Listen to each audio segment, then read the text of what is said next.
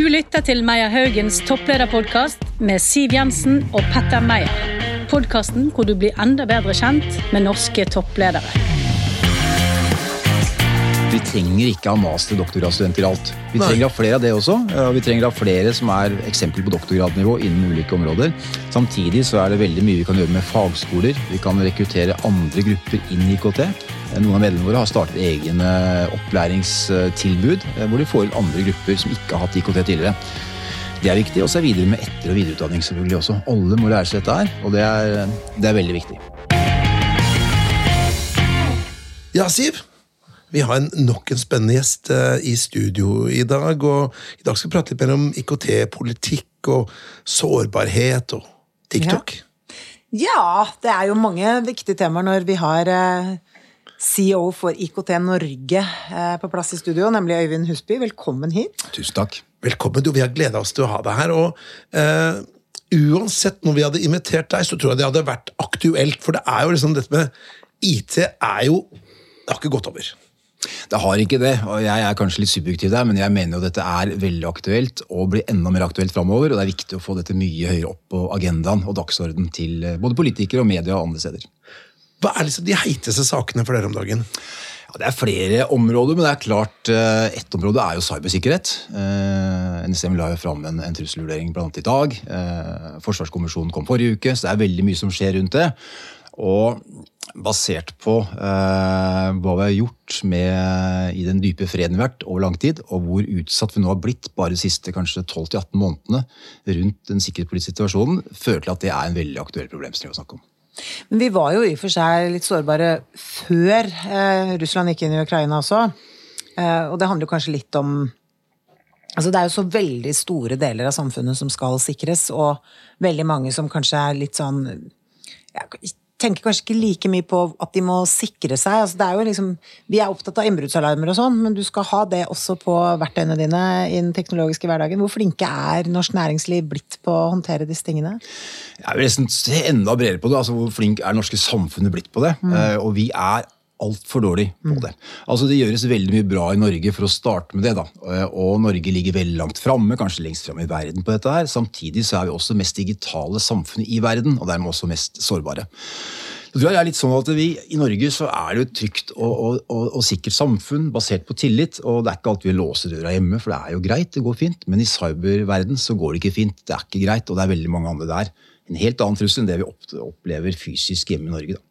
Ja, det kan man trygt si. Men det er vel etter hvert noen som har oppdaget òg at uh, de, de, finner metoder å rappe penga dine, både fra uskyldige uh, pensjonister til rett og slett store bedrifter.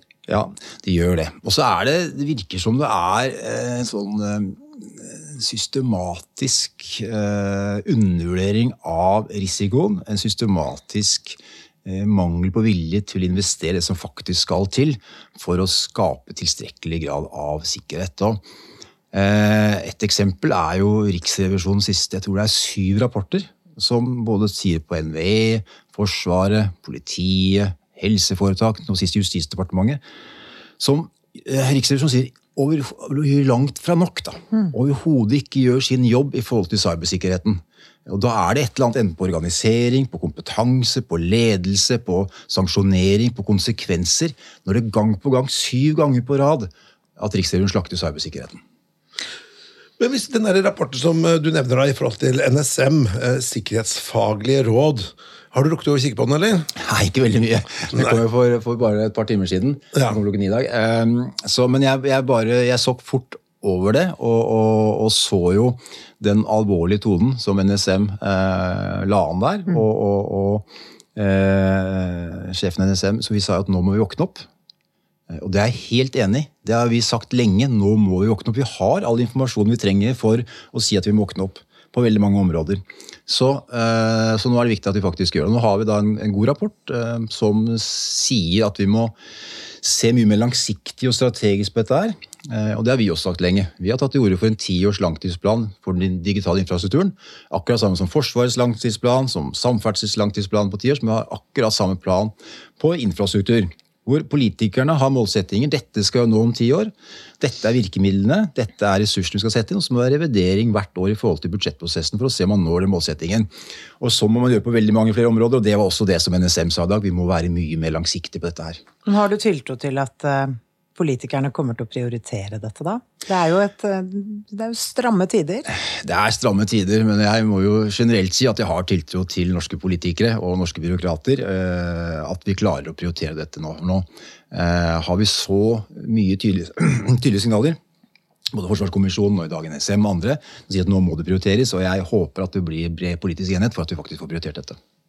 Hvis du skulle trukket fram tre områder da, hvor du sier ok, eh, hvor det brenner aller mest, hvis du ser Norge som nasjon.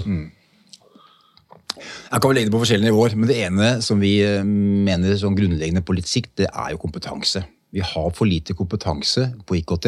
Vi trenger 40 000 nye med IKT-kompetanse innen 2030. Tre av fire bedrifter sier at de mangler IKT-kompetanse i dag. Så eh, jeg kan nesten ikke se at vi kan få nok IKT-kompetanse, så det må prioriteres. Eh, og det, Sammen med sykepleier og Ja. helsepersonell. Sammen med sykepleier og helsepersonell, men vi er jo litt subjektive. Vi mener at dette er jo viktigere, for du får ikke eh, 80 000 nye sykepleiere. Men du må effektivisere med bruk av IKT i, i sykehussektoren, i helsesektoren. Slik at vi kan bruke de personellet vi faktisk har, på en best mulig måte. Eh, og da må vi bruke IKT. Vi må bo lenger hjemme. Vi må bruke annen type teknologi, annen type organisasjon, annen type eh, måte å organisere ting på. Og da må vi forstå IKT ordentlig. Men det er ikke bare som IKT-fag, men også i domenen. da. Så sykepleiere, leger, eh, alle må lære seg eh, IKT grunnleggende på alle studier for å se hvordan man kan effektivisere samfunnet med bruk av det. Så det var én ting. Det var på en måte det, det kompetanse. Er det andre Ja. ting som du vil trekke fram? Ja, det, det er jo det. Og det ene er jo øh, Vi må se på hvordan vi øh, strukturerer et arbeidet. Uh, det ene er jo i forhold til, øh, altså i forhold til Når du ser på samfunnet i forhold til sektorprinsippet, så er det veldig bra på noen områder. øh, men når du ser på cybersikkerhet, så, så har det jo ikke fungert godt nok. Det er ingen som rekker opp hånda øh, tydelig nok når ansvaret skal fordeles. Så, så organisering øh, er, jo, øh, er jo ett område. Tenker du da på statlig, at det er ingen statlige organer som har ansvar for cybersikkerhet? Ja, og det er jo statlige statlig organ som har ansvaret. Altså, ja. Justis har jo ansvar på tvers, men Ja, Riksrevisjonen sier at de har ikke tatt ansvaret. De har ikke god nok situasjonsforståelse, de har ikke god nok eh, kommunikasjon, de har ikke god nok innføring av lovregler. Og så det er liksom 16 punkter hvor de ikke gjør god nok jobb på å ta det ansvaret som leder for cybersikkerheten i den sivile delen av, av samfunnet også. Så, det, så det er viktig eh, på organiseringen. Um, og så er det jo eh, ja, kanskje vilje til å prioritere da, blant politikerne. Eh, vi, vi har informasjonen vi trenger, men vi gjør ikke nok for å få det opp. Men du, en variasjon av samme tema, holdt jeg på å si. Ja. Offentlig sektor, hvor Mm. langt vil du si at vi har kommet i å digitalisere samfunnet sånn at det er moderne nok? Ja, eh, vi, vi gjør jo hvert år en undersøkelse eh, sammen blant Rambull og, og i år også sammen med KS som heter IT i praksis, hvor vi nettopp måler det. Hvor gode er vi på digitalisering? Ehm, og det vil si at vi har jo kommet langt. Vi har jo veldig mye bra tjenester i Norge. Vi har Altinn, vi har skatt, vi har bank-ID, så vi kan identifisere oss. Det er veldig mange ting som vi ligger veldig langt framme på i samfunnet. Samtidig ser jeg at vi, kommer, vi faller bakover på rangering internasjonalt. Andre gjør mye mer enn oss nå, så vi, på, så vi var ledende mange områder, og nå går det tilbake. Så, eh, og Vi ser også siste undersøkelse, som tallene er ikke offentliggjort ennå, men jeg kan gi et par eh, noen tall her. Hemmelige det er- Hemmelig avsløring. Hemmelig avsløring. Og det er Vi skal jo ikke si til noen! Samarbeidet med, med private har gått eh, mye tilbake på det Mhm. offentlige. De, sier at det er viktig. De som bruker private i, i, i, i, for å utvikle løsninger, er veldig godt fornøyde. Samtidig ser jeg at det går tilbake, eh, det samarbeidet. Jeg tror at ingen løser disse store utfordringene alene. Vi må samarbeide mye tettere. Både offentlig, næringsliv, akademia. Så, så det er da en, en varsellampe når vi ser at samarbeidet går tilbake. Samtidig så er vi også dårligere på sammenhengende tjenester. Man lager gode sektorspesifikke tjenester, men de sammenhengende tjenestene på tvers eh, har vi blitt litt dårligere på. Så det er bare noen av de fiendene der. Vi har litt å gjøre, altså. Vi har litt å gjøre. Men hører politikerne på dere, da? Jeg opplever at de gjør det. Eh, samtidig, eh, generelt Samtidig eh, så er det skal vi si, litt forstemmende å se hvilke saker som kommer høyst opp på agendaen. Eh, Uten å, uten å ta enkeltpartier, så hadde jo Arbeiderpartiet landsmøte eh, for et par dager siden. og, og Vi skrev en liten sånn, vi, vi, gjør en analyse av alle de politiske partiene før landsmøtene for å, med eh, våre brilleglass på for å se hvor godt de prioriterer forskning, utvikling, digitalisering, IKT, bærekraft. og av de 525 forslagene som var sendt inn til Arbeiderpartiet som skulle behandles, så var ingen på bærekraft, ingen på digitalisering, ingen på kunstig intelligens. Men det var to på støtte til parykk. eh, og, liksom, og, det blir diskutert mye spennende over politikk på, på arbeidslandsmøtet, men i forhold til liksom, hva som er fokus, så virker det som det er eh, andre ting enn det som jeg mener burde være de store utfordringene for samfunnet som politikerne burde diskutere. da. Mm. Og så tror jeg ikke det er mangel på interesse, egentlig, men det er kanskje det som blir som Litt blir... mangel på penger, kanskje? Ja, penger, men det er ikke alt som koster penger heller. Det kan være snakk om organisering, samarbeid, hvilke signaler som blir sendt, faktisk. F.eks. de offentlige institusjoner på tildelingsbrevene.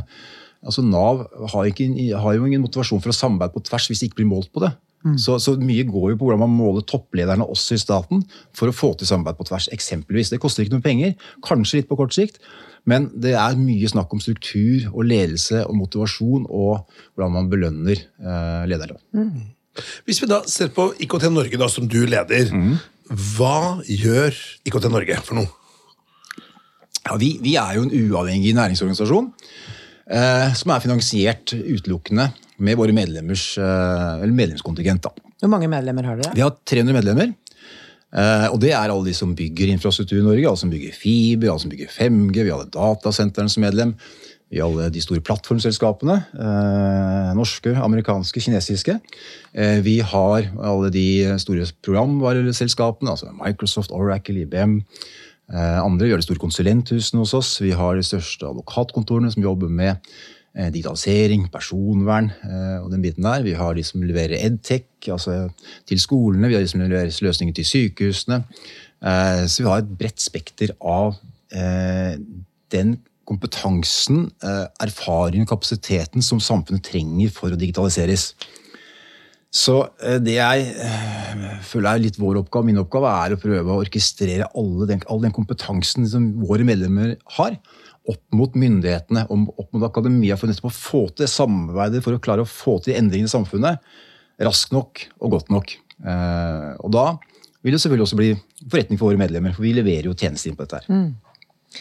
Men når dere skal jobbe mot politikerne i forhold til sånn ja, det er vel et ord for det, lobbyvirksomhet eller interesse mm. eller opplyse, eller hva ja. man sier. Hvordan liksom går det fram da for å tjene deres medlemmer? Det ene er jo å etablere, eh, som det er i alt sammen, tillit i forhold til hvem vi representerer. Så Vi har jo møte med alle politiske partiene på Stortinget hvor vi forklarer litt dette er IKT Norge, dette er medlemmene våre, dette er hovedsakene våre. Og så prøve å finne hvilke politiske prosjekter er det dere har eh, som eh, vi kan være med å støtte og realisere gjennom det som vi representerer på teknologisiden også. Eh, så det er, jo, det er jo å prøve å etablere relasjoner og tillit. Eh, hvem vi er for, for alle de politiske partiene. Eh, både opposisjon og, og, de som er i posisjon. Og så er det jo enkeltsaker som kommer opp, og prosesser som kommer opp. Og da Det kan være høringer som kommer opp, det kan være ting som skjer eksempelvis nå så kommer det arbeidsavgift over 750 000 kroner, så da må vi omprioritere litt vårt arbeid, for det skader jo veldig mye vårt, våre medlemmer og den digitaliseringen og den kompetansen vi trenger. For eksempel, det var ikke trampeklapp eh, i de fleste Hva skal jeg si uh... Jeg tror ikke det var trampeklapp i en eneste bedrift, for å være helt ærlig. Nei, det syns jeg var spesielt. Ja, Veldig spesielt. Og mang De mangler den langsiktigheten. Det blir til på en kveld fordi man mangler noe penger. men Vi kan akseptere og respektere og følge opp alle politiske beslutninger. Vi har full respekt for det, men det må gjøres gode, med gode prosesser. Så man får bredden i debatten på forhånd og ser konsekvensene. Og ikke at man plutselig kaster inn et, et, et forslag som skader det som kanskje egentlig er hovedintensjonen eller ønsket til hos de som kommer med forslaget. da. Mm man ser ikke konsekvensene, eller det er politisk som gjør at man har behov for å markere en eller annen posisjon. Men du Petter, vi må jo finne ut hvem denne eh, CEO-en er. Litt, litt mer om eh, lederegenskapene hans og sånn. Ja, men du, eh, Vi har da noen eh, områder som forskning peker i retning av at eh, lade på det med topplederskap. Da, og du er en toppleder for en organisasjon. Så jeg kommer til å ramse opp noen personlighetsegenskaper. Så kan du da eh, si ja eller nei om du føler at du har det, eller så kan du utdype i etterkant. Ok. nyansere litt. Er, det er utdyping i etterkant. Så først, uh... Ja, jeg tenkte vi går Ja, okay. igjennom. Ja. Og så er Siv Hun, skal, eh, hun liker jo å ta den analysen rett etterpå. okay. right. Og der er hun veldig god. uh, er du klar? Jeg er klar. Uh, har du høyt energinivå? Ja. Har du stresstoleranse? Ja. Selvtillit? Ja. Påvirkningskraft overfor andre? ja, håper det. Er du resultatfokusert? Ja. Overbevisende? Jeg tror det. Hensynsfull? Håper det. Besluttsom? Ja. Optimistisk? Ja. At det her eh, var mye av Og håper det også noen ganger. Ja, han tikka fort da på mange, og så var det kanskje litt sånn eh, ydmykt trekk hvor man skulle være litt sånn ja, jeg håper det og sånn, men hvorfor nølte du på noen av disse? Nei, altså jeg, jeg tenker, altså, det, det, men, altså Når du sier liksom energinivå sånn, det er greit, men på selvtillit også, så det er, også er, jo, det er jo både litt ferskvare og også litt situasjonsbestemt. Så eh, man er jo ikke like stor selvtillit i alle situasjoner. Det, det, men, og når det gjelder de andre tingene, altså man håper man har påvirkningskraft, Ja. eh, og, og mest mulig i forhold til det man tror på, og det man er ansatt for å gjøre, selvfølgelig. Men det er jo andre som må bedømme hva slags, hvor stor påvirkningskraft man har det. da. Så man kan ha en oppfattelse selv, men man må jo være litt ydmyk for at man har ikke akkurat fasiten på en del av de spørsmålene her. da. Men du har vært eh, to og et halvt år eh, sjef i, denne jobben, men ja. hva kom du fra? Du, jeg har bakgrunn Ja, jeg er økonom, og så har jeg vært fem år konsulent. Management Consulting, og så har jeg vært 23 år i telekombransjen og sittet i ledergruppen eh, i det som var eh, Janko, Janko Multicom, UPC, Get, TDC, Telia i, i 23 år og hatt de fleste posisjoner i den ledergruppen. Så du har litt ledererfaring? Ja da, jeg har litt erfaring eh, tidligere. Og kjenner du den bransjen veldig godt? Jeg kjenner bransjen veldig godt, det gjør jeg. Ja. Men uh, du, var jo, du var jo hit på mange av dette her. Uh, dette med, hva skal jeg si, optimisme. Eh, er det lett å være optimist da, når du, når det, du sa Riksrevisjonen hadde purra på det, eller ikke på dere da, men bransjen eller politikerne sju ganger, og det, det, det går jo ikke bare rett vei. Det går ikke bare rett vei, og det går, der det går rett vei, så går det altfor sakte. så jeg er optimist at vi skal klare å få det til, men det skjer ikke av seg selv. Nei. Altså Jeg er jo teknologioptimist, men det går ikke av seg selv. Teknologien fikser ikke dette uten at vi må ta en del smertefulle valg. Vi må legge om livsstil, kanskje. Vi må legge om hvordan vi opererer. Så ting går ikke av seg selv, og det, gjør, det, det kommer ikke til å gå bra hvis vi ikke jobber hardt for at det skal gå bra. Men jeg er optimist på at vi skal få det til. Både, både i den store sammenheng og også i Norge. da, At vi skal klare å lykkes med dette. Men det må kreves hard jobbing, og det kreves at eh, det er mange som eh, trekker i samme retning. Har du utålmodige medlemmer da, som sier at liksom, nå må du virkelig skjerpe opp disse politikerne? Ja, altså jeg har krevende medlemmer, selvfølgelig. Eh, Det er veldig bra. Eh, Nei, jeg har ikke, ikke noe som sier at vi må skjerpe opp politikerne på generell basis. Det kan være enkelt, enkelt, enkelt, vedtak som de sier at nå må vi skjerpe politikerne. Og Jeg nevnte arbeidsavgift, det kan være midlertidige ansettelser. eh, En del sånne tiltak som har kommet den siste tiden, eh, som du er grunn til å si at nå må vi skjerpe, skjerpe oss litt. Hva tenker du, Siv? Er det, får du noen ganger lyst til å bare slå litt i bordet? Du, jeg avstår fra å kommentere på det. Eh, Men bare litt nysgjerrig, da. Ja. Siden du åpenbart har vært toppleder i veldig, veldig mange år. Kunne du, kunne du ledet en hvilken som helst bedrift, tror du? Jeg, jeg tror ikke det. Eh, Jeg tror ikke det. Og jeg, jeg, det er, noe, det er eh, altfor lite ydmyk å si at ja, jeg kan lede hva som helst. Det, det, og, det er noen egenskaper ved leder som man må ha for å lykkes, tenker jeg. Eh, Og det er sånn menneskelige egenskaper i forhold til hva er det som motiverer folk. hva er det som, Hvordan skal du høre og lytte, eh, den biten der. eh, Som er viktig i alle relasjoner med mennesker. da. Det er sånn generelle menneskelige relasjoner. Eh, og så er det tror jeg, situasjonsbestemt hva slags leder en organisasjon eller selskap trenger på en spesiell periode. Eh, noen ganger, og kanskje tidligere, så var det viktig å ha en, en formann som sørget for at ting gikk eh, pluss 5 hvert år, og ting tikket og gikk. og Viktig å ikke gjøre for store sprell og krumspring og holde seg til det som man har gjort de siste 20 årene, for det var det som var tryggest. Eh, nå er ikke det tilfellet lenger noe sted. Noen tror fremdeles det er tilfellet, og tror at de tar ikke risiko og ikke tar valg, men de tar en kjemperisiko. Og da må man noen ganger ha inn folk med helt annen kompetanse, kanskje, i en organisasjon i en periode. Eh, og da kan det være at uh, jeg eller andre kan lede selskaper man ikke har så mye erfaring på i forhold til kanskje den domenekompetansen. Men man er veldig så ydmyk for at man må da lære seg å ha et team som kan den. Mm. Uh, men det kan være at man har annen kompetanse som trengs inn for å få en retning eller endring på en organisasjon. Da. Mm. Så Det høres ut som du er ganske opptatt av, når du rekrutterer dine nærmeste medarbeidere, at du ser etter mangfold? Absolutt. Og det er jo også å, å, erkjenne at det er mange ting man ikke kan selv. Da. Eh, og at man da er viktig å, å, å få inn den kompetansen nummer én. Og nummer to høre på den kompetansen man først har fått den inn. Da. Så Man kan ikke sitte og, og si at man vet selv best eh, etter at man har fått den kompetansen. Da må man faktisk eh, lytte og lære og, og være ydmyk i forhold til at det er ikke alltid man har de beste løsningene selv, selv om man kanskje liker å tro det. Men Hvis du skal gi noen gode råd å rekruttere IT-kompetanse til dine medlemmer, hva slags eh, råd gir du da? Altså er, jeg startet for to og et halvt år siden i IKT Norge. Da gikk jeg rundt og spurte alle medlemmene hva er den viktigste, hva er nummer én-utfordringen du har for å lykkes Norge med organisasjonen. Og det var én ting som alle sa, altså 100% det er mangel på kompetanse. Vi har ikke nok folk. Vi kunne ansatt 2 til 50 til 100. Vi kunne ansatt 500 til neste året hvis vi hadde hatt kompetanse. Så det er en kjempeutfordring. Ehm, og så sier de altså hva er det som skal til for å rekruttere ansatte. Og det ene er jo at du må ha en, eh, du må være et verdidrevet selskap. Du må ha noe som, som, de ansatte føler har mer verdi enn bare å gå på jobben, drikke kaffe og tjene penger. Eh, så du må ha en strategi i forhold til omstilling, i forhold til det grønne skiftet, i forhold til mangfold, i forhold til de gode samfunnsverdiene som vi har i Norge.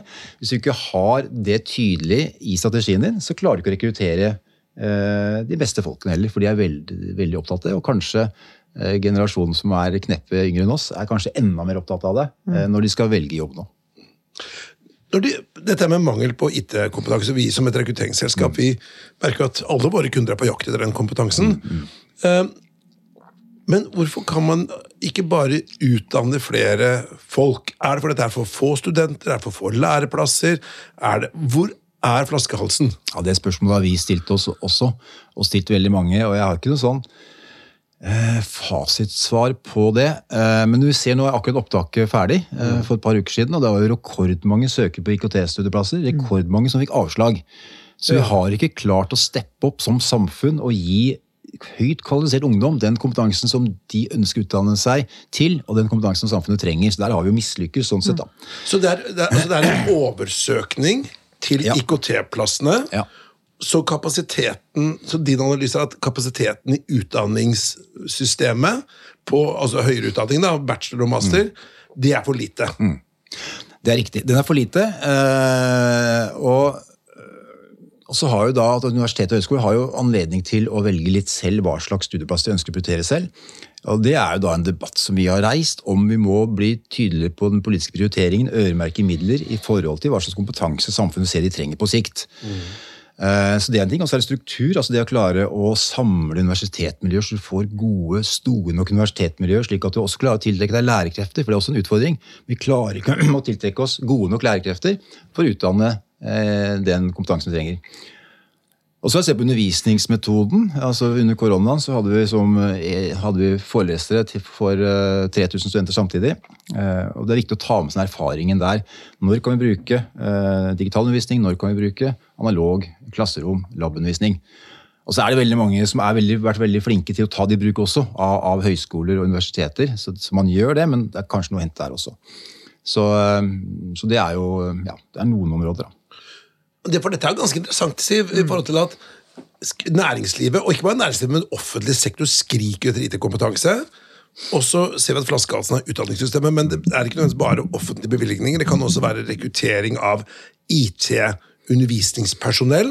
Ja. Og så kan det også være den distriktspolitikken, at man da får få for små enheter. Mm. Så det ikke er attraktivt nok for å være uh, lærekrefter der, da. Ja. Er det en sånn more or less god ja, analyse? Det er, det er, riktig, men det er, det er flere, flere, flere ja, ja. også. Uh, og det ene er at vi trenger ikke ha master- og doktorgradsstudenter i alt. Vi Nei. trenger ha flere av det også, og vi trenger ha flere som er eksempel på doktorgradnivå innen ulike områder. Samtidig så er det veldig mye vi kan gjøre med fagskoler. Uh, vi kan rekruttere andre grupper inn i IKT. Noen av medlemmene våre har startet egne opplæringstilbud, mm. hvor de får inn andre grupper som ikke har hatt IKT tidligere.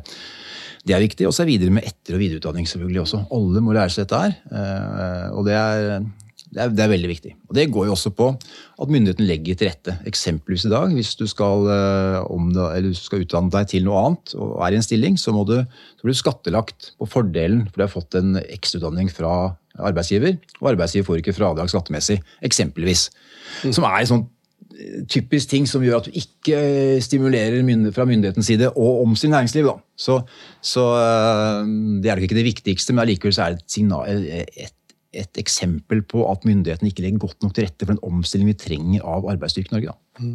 Men når du da di- diskuterer disse problemstillingene med la oss si utdanningsmyndigheter, er vel eh, Ola Borten Moe det som er sjef for høyere utdanning nå? Hva, hva sier han til dette? Eh, Jeg har ikke tatt alt dette her med, med, med, med Ola Borten Moe, eh, men eh, det er vel Opplever vi en litt for liten forståelse for behovet for eh, den digitale kompetansen? Og vi ser debatten nå går at vi må ha mindre skjermbruk i skolen. Det er det den debatten går på i forhold til skole, IKT og utdanning nå. Nei, Vi må ha mindre av det. Eh, Så, eh, og de utdannelsene er ikke forskningsbasert. Det er ingen forskning som viser at det er noen sammenheng mellom at du har mye skjermbruk i skolen og eh, dårlig utdanning. Eh, Det kan godt hende at det er for mye skjermbruk generelt sett på barn og unge, men da må man kutte ned først og fremst i det private, og ikke ta bort skjermbruken i skolen, hvor det er nettopp der du skal lære kritisk bruk, du skal lære å bruke kunstig intelligens, du skal lære eh, hvordan eh, man skal bli utdannet innen nye teknologier og, og, og verktøy. Det er, du kan, det er ikke der du må ta bort skjermbruken, det er andre steder. Og så må du få en mye mer debatt rundt eh, hvilken digitaliseringsstrategi er det vi har for helt fra barnehagen, sånn som de har andre land, til ungdomsskolen, til videregående skole. Eh, hvordan skal vi bruke IKT-verktøy der? Mens debatten i Norge er hvordan skal vi kutte ut skjermbruk. Du, jeg, jeg hørte nå at eh, I USA da, så har man da fått den første streiken blant disse manusforfatterne for serier og, og talkshow. Ja. Og De streiker pga. penger, men de streiker også fordi at de vil begrense bruk av chat-GPT, da, eller kunstig intelligens, for å skrive eh, altså manus eh, og dialoger da, i filmer. Så de har da, Et av kravene deres er at eh, de store eh, selskapene som Universal og Disneyland de skal da ikke bruke kunstig intelligens for å lage dialoger og filmer, for det skal de ha. Eh, hva tenker du om noe sånt? da? Altså jeg, jeg forstår veldig godt at det er mye diskusjon og stor usikkerhet rundt det som skjer nå innen kunstig intelligens. Det er eh, et ukjent uh, område for oss. Det har vært mange industrielle revolusjoner tidligere og vært like stor motstand da. Men så har vi sett at det har gått veldig bra. Og så er det litt forskjell nå, for tidligere så har den industrielle revolusjonen eh, erstattet det mennesket har gjort fysisk. Nå erstatter det som vi gjør kognitivt. Da. Eh, Så det er helt nytt. Skalerer på en helt annen måte enn tidligere. Så vi kan nok lære litt fra historien, det har gått bra før, men samtidig skal vi være veldig våkne nå og, og, og ta gode debatter for å sørge for at det er politikerne som styrer samfunnsutviklingen her, og ikke de store selskapene som jeg representerer. Mm. Vi må ha politikerne på banen, og vi ønsker en bred og god debatt eh, rundt hvordan vi skal styre dette framover. Eh, EU veldig mye på dette området nå, og, og Norge bør ha en tilsvarende debatt også på dette området her. Så det ønsker vi velkommen, og vi ønsker å være med på den. Men hvis dette blir gjort riktig, så vil det jo frigjøre massevis av kloke hoder eh, til altså det er jo det som, altså Vi mangler jo arbeidskraft i vårt lille land, f.eks. Ja. Sånn at det, kan jo være en vinn-vinn-situasjon, da. Jeg mener det er en kjempe-vinn-vinn-situasjon, og kommer til å være det. Vi kan eh, gjøre både rutineoppgaver og andre oppgaver mye mer effektivt. Kan, og, så Det er én ting på, på kapasitet. En annen ting er at vi, kan, vi kommer til å løse de store samfunnsutfordringene innenfor helse, innenfor miljø, innenfor energi. Nettopp med kunstig intelligens, og det er det som er problemet med debatten. Vi har kun fokus på at, eh, at eh, tekstforfatterne på Netflix mister jobbene sine. Vi har ikke fokus på at de kommer til å løse kreftgåten, vi kommer til å løse energi, vi kommer til å løse klima, vi kommer til å løse problemer med, med vann i verden. altså Alle de områdene der er vi helt avhengig av kunstig intelligens for å løse. Det må vi også ha på vektskålen når vi sier at vi skal forby eller, eller, eller ikke vil. Vi ikke, har, vi ikke ha skjerm på skolen, vi ikke har chat-GPT, vi ikke har de ting. Og det er helt feil framgangsmåte. Eh, Jeg er mye mer redd for gammel teknologi enn ny teknologi. Ny teknologi er de som skal løse store utfordringer foran oss. Skal vi la dette være siste ord, Siv? Jeg syns det har vært utrolig spennende og lærerikt. Eh, Har du noe Nei, det står bare mye til ettertanke. Men jeg, jeg må ha ett spørsmål, og det er egentlig bare fordi hva, hva tenkte dere når alt det styret rundt eh, politikernes bruk av TikTok kom opp? Ja, det, det, det da tenkte, tenkte vi mye. Og det ene er jo at det er veldig viktig å være klar over den nye sikkerhetspolitiske situasjonen med Russland, med Kina, med teknologi, med verdikjede, med avhengighet. Det er en veldig, veldig viktig diskusjon. Samtidig så blir det at man har så stor fokus på TikTok, et, et litt sikkerhetsteater, for å si det. Altså, det er, blir en sånn symbolting. Og, og, fordi at man da sletter TikTok-appen, så puster man ut, senker skuldrene, går hjem klokken fire og tror man er trygge. Man er ikke trygg i det hele tatt. Eh, og TikTok og kinesiske selskaper har mye utfordringer som må diskutere. Eh, en utfordring er jo kanskje at det kan påvirke samfunnet i områder som vi ikke ønsker. Nå logger alle voksne seg av TikTok, alle som mener de logger seg av TikTok, og så vet vi ikke hva som foregår der. Og Det er kanskje like skadelig som at vi faktisk er på TikTok og ser hva som skjer og forstår det. da. Er du på TikTok selv? Jeg er på TikTok. Ja, jeg er også på TikTok.